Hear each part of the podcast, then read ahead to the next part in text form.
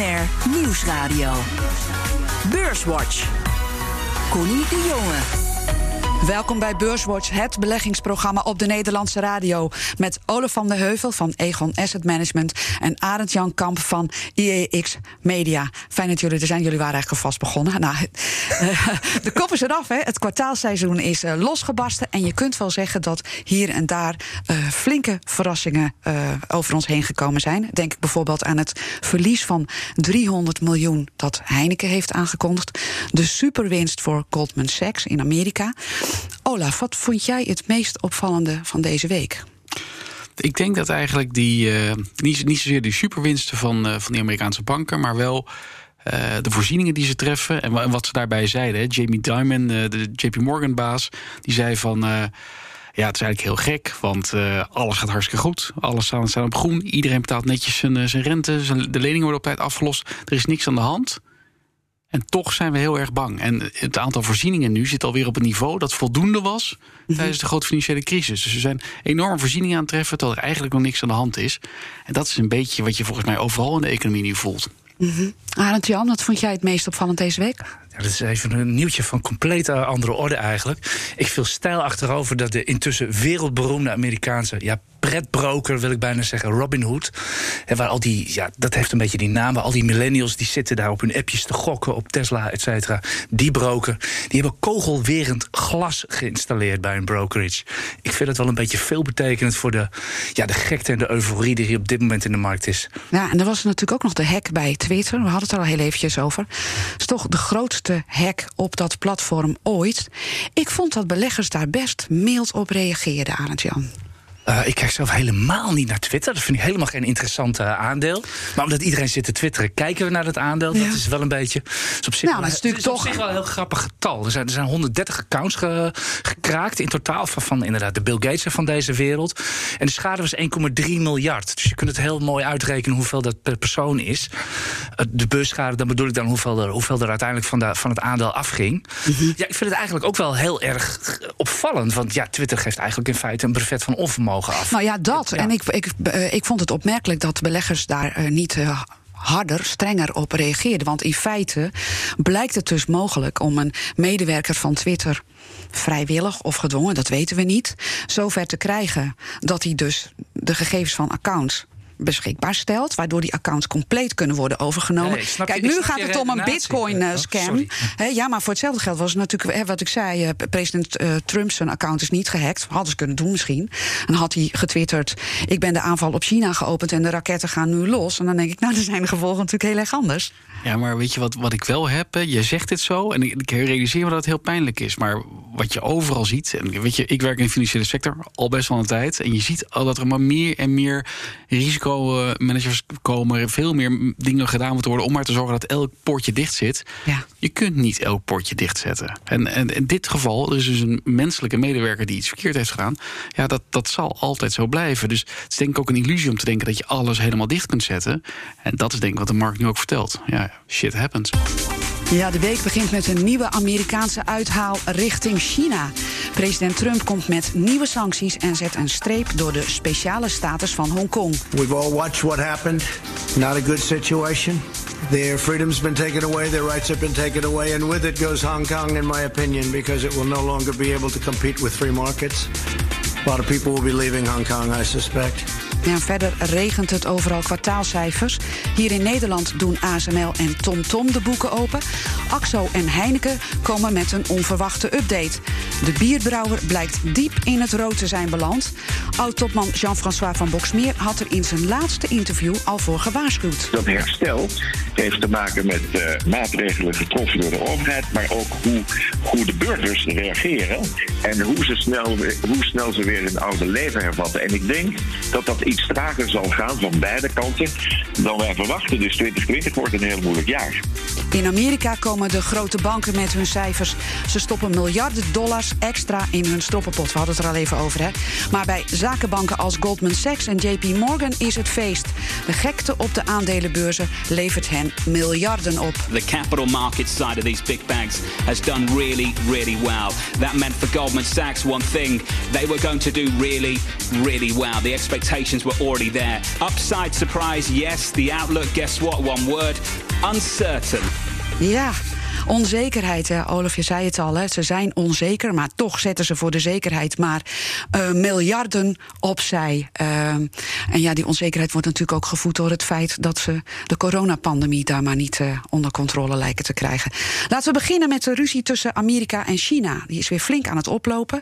Het laatste nieuws is dat misschien straks wel geen enkel lid van de Chinese Communistische Partij nog wordt toegelaten in Amerika. Er zijn er 100 miljoen van, geloof ik.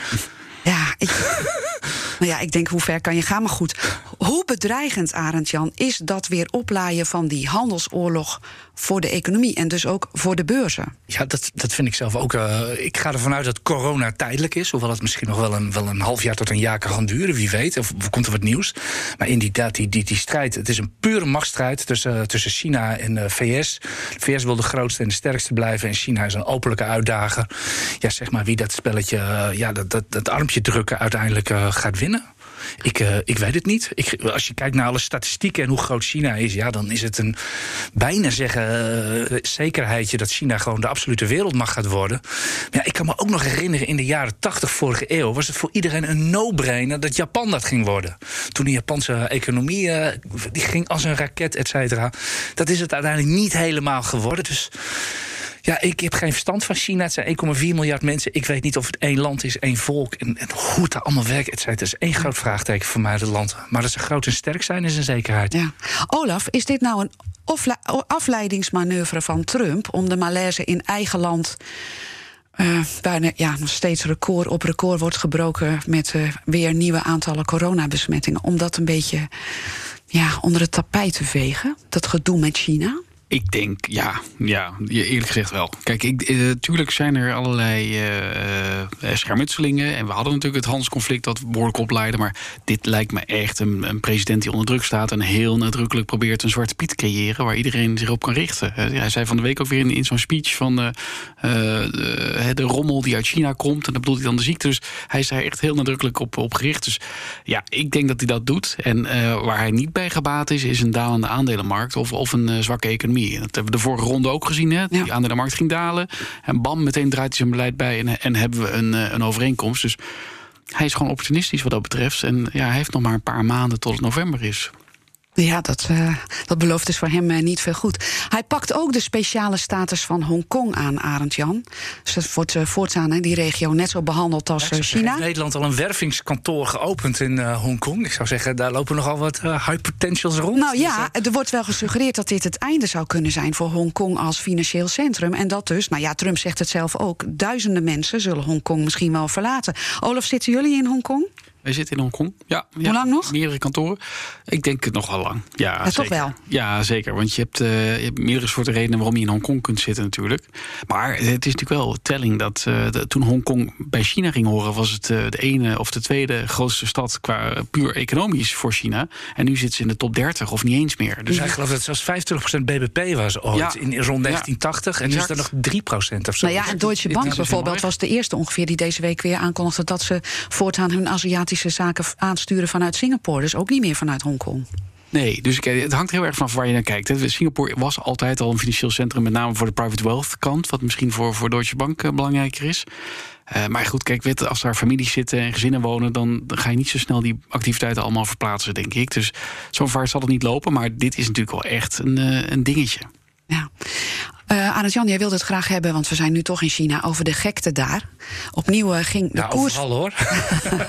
ja, nou ja. ook hier op het Dam. Ook hier op het Dam. Laten we beginnen met China. Daar ging opnieuw een bedrijf naar de beurs, uh, SMIC. Dat is de grootste chipsfabrikant van China. En er kwam op de eerste handelsdag meteen 245% koerswinst bij. Vorige week hadden we een fonds dat ook naar de beurs ging, ook een techbedrijf. Kreeg er 1000% bij, ja, dus het kan nog een graadje gekker. Um, vind jij dat beleggers gek geworden zijn? Uh, beleggers zijn altijd gek. Ik bedoel, uh, wel altijd dollartekens in de, in, de in, in, de ogen. En we zijn altijd ontevreden over onze rendementen. Lopen te zeuren. Het is heel grappig bijvoorbeeld. Ik heb de, ik heb de afgelopen tijd. Ik, ik twitter veel. En zijn mensen allemaal aan het klagen die dikke winsten hebben gemaakt op Tesla. En dan balen ze nog dat ze veel te vroeg verkocht hebben, et cetera. Dus het is nooit goed. Nee, maar uh, in, in, in, in, dit geval. Wat was precies ook? Je vraag, vraag even een nou, Ik zei, jij wilde het hebben over die gekte. Oh, ja, die en gekte. Zei, ik zei, we beginnen in China. Maar jij zei, het speelt overal. Ja, ja maar die, uh, China is wel heel frappant. Daar hebben ze namelijk, hij bestond uh, één jaar. Dat is ook wanneer dat SI, SMIC naar de beurs ging. Dat is de Star Market. we hebben in uh, Amerika hebben we de Nasdaq en vooral de Nasdaq 100, de beroemde technologie-index mhm. waar al die grote jongens in zitten. China kopieert dat model. Die zijn dus ook een technologiebeurs begonnen, de Star Market. Er staan inmiddels al 123 bedrijven genoteerd. En ja, die hebben een waardering die is vijf keer zo hoog dan de Nasdaq. Nou, die vinden we allemaal heel erg duur en bubbelig, et cetera, et cetera. Die index is vijf keer zo duur. Je noemde net al wat percentages op van bedrijven die dan naar de beurs gaan. In Amerika was er trouwens ook van de week eentje die ging uh, eh, 150% omhoog, zoiets op, op opening. Stond iets van cloud-based in het persbericht en hop, daar gingen we weer. Zo, zo, gaat het een beetje tegenwoordig. Het doet mij erg aan 20 jaar geleden denken. Dat was de laatste zomer van de dotcom-bubbel. Toen was er ook uitzinnigheid ten top. Het zal mijn bias zijn, het is mijn generatie die dat is overkomen. Maar ja, ik, ik, ik vind het wel een beetje onheimisch, uh, dit soort dingen. Die maar vorige week hadden we het erover. Tech was de place to be. Ja, en als ik jou hoor, dan is tech eigenlijk de place not to be. Want dan is het hartstikke eng wat daar gebeurt. Of een beetje, nou ja, dan zitten we daar in een bubbelmarkt. Dus nou dan, ja, het, is natuurlijk, het is natuurlijk heerlijk dat het zo hard stijgt. Maar je, je risico neemt na van hand toe. Ik bedoel, we zagen het gisteravond aan Netflix. Ze ook weer keihard gegaan. Ze maken, de outlook valt een beetje tegen. Ietsje minder abonnees dan verwacht. En boem, meteen min 10% Volgende week komen alle grote techbedrijven door. Dus uh, wie weet. Ja, dit, je snijdt heel veel interessante thema's aan, denk ik. Uh, ik wil je, eerst waar je toch even repliek van wil dienen, is natuurlijk over van uh, alle beleggers zijn gek geworden. ik denk dat je dan met name gegeven dat ik dat, dat al mijn hele leven ben. Ik denk dat het met name over speculanten gaat. Ehm, maar het voelt wel heel erg aan als inderdaad jaren negentig weer. Eind jaren negentig. Dus het hoeft maar te lijken op een elektrische auto en het gaat omhoog. dat is denk ik ook wel terecht. Um, Kijk, wat wel is, in China heb je nog steeds 4, 5, geef het een getal, groei. Uh, in Amerika, nou, weet je, het komend jaar min 5% misschien. En dan volgend jaar ga je weer terug naar 2%. Dus het is niet gek dat die Chinese markt wat dat betreft meer groeipotentieel heeft. Uh, tegelijkertijd hebben we natuurlijk al heel lang het verhaal dat groei schaars is. We zitten in een, in een, in een wereld waar overal de beroepsbevolking aan het krimpen is. In Japan, het, het, het, het oude voorbeeld, krimpt de beroepsbevolking al heel lang. Hier krimpt hij. In Amerika begint hij met krimpen. In China krimpt de beroepsbevolking. Dus groei is gewoon heel schaars in, in die tijd.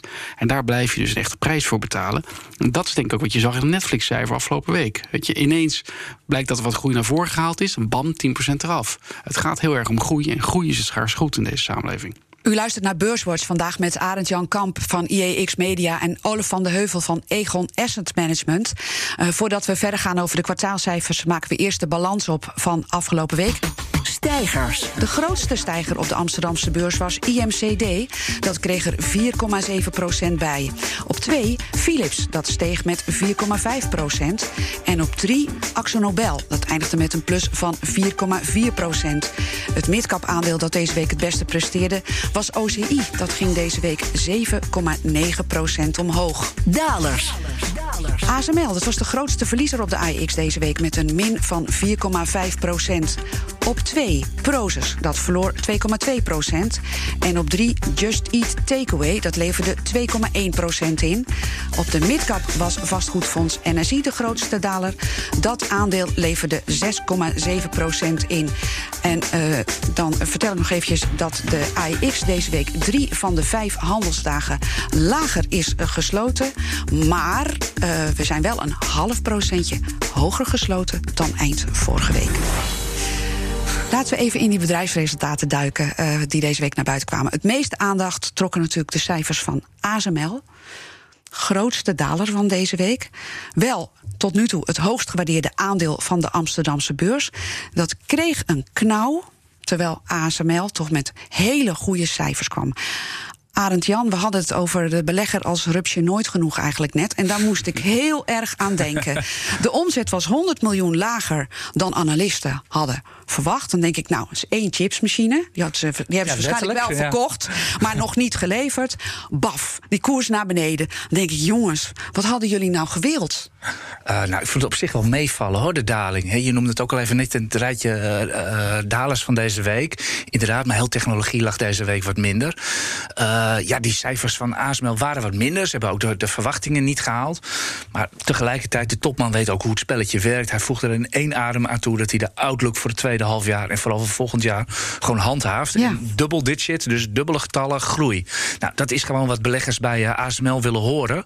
Dus eh, uiteindelijk viel het, viel het... Ik vond de koersreactie meevallen, maar dan kun je natuurlijk altijd over verschillen. het het is, natuurlijk, ja, het is eh, natuurlijk wel zo. Ja. Als zo'n aandeel als ASML zo hard is gestegen, het is zo duur, eh, dan is het price for perfection, heet dat.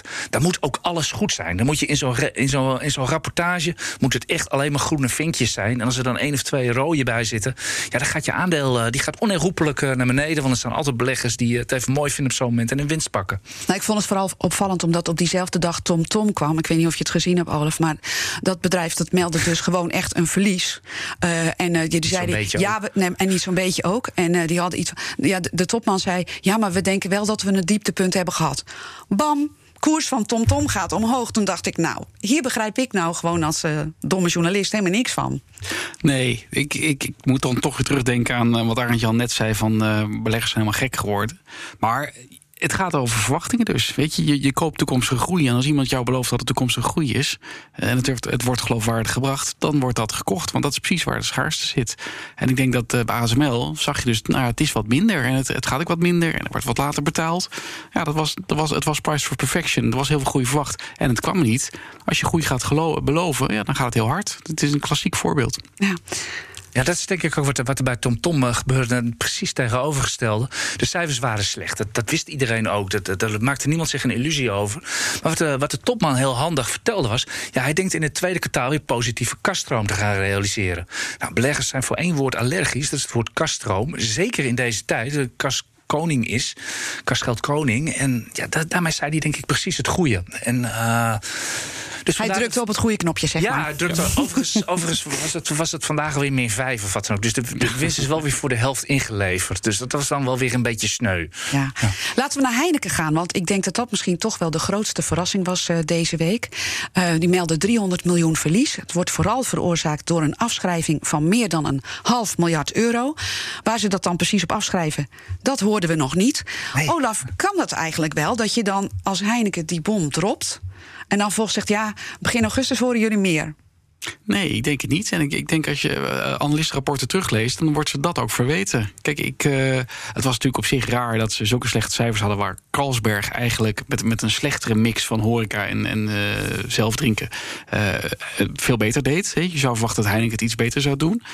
Dat was al teleurstellend. Maar dan ook nog dit eroverheen. Ja, dat, dat is toch wel een beetje raar. En dan natuurlijk net een nieuwe CEO. Dus iedereen snapt ook al wat er gebeurt. Die is gewoon alles klaar aan het zetten voor een hele, hele mooi vervolg Die veegt, eh, die veegt de kasten leeg en eh, precies. Maar die transparantie is wel een issue. Dat, dat, is, een, dat is een groot ding, denk ik. Arend Jan. Ja, ik ben het helemaal met je eens. Het komt Heineken eigenlijk wel perfect uit. Ze hebben dus inderdaad zitten ze in een topmannenwisseling. Nou, de vorige heeft er lang gezeten. Er zit er altijd wel ergens lijken in. Of in ieder geval, er zijn gewoon altijd dossiers. Dat is gewoon zo.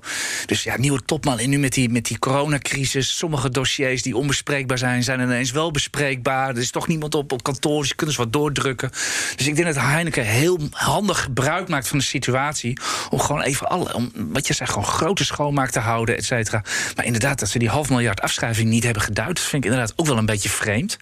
Maar eh, ja, ze hebben er zo voor gekozen. En ze zullen het ongetwijfeld bij de cijfers wel gaan doen. Dat, daar ga ik toch wel vanuit nu. Ja, dat hebben ze beloofd dat ze het begin augustus Ja, gaan maar doen. aan de andere Ja. kant, als je, als je kijkt van eh, wel- wel 50 miljard of zo, dan is het ook maar een relatief klein bedrag wat ze afschrijven. Dus het valt ook wel mee. Moet je niet maar van veel goodwill. Dus dit, dit is ook volledig. En ze hebben natuurlijk veel van die premium eh, merken Ja. gekocht. Nou, dat is natuurlijk allemaal fluff. Dus daar gaat ook al wat vanaf. Ik wil even nog, want we naderen alweer het einde, snel naar komende week. Philips komt onder andere met de cijfers, Randstad, heel veel eh, grote techbedrijven in Amerika.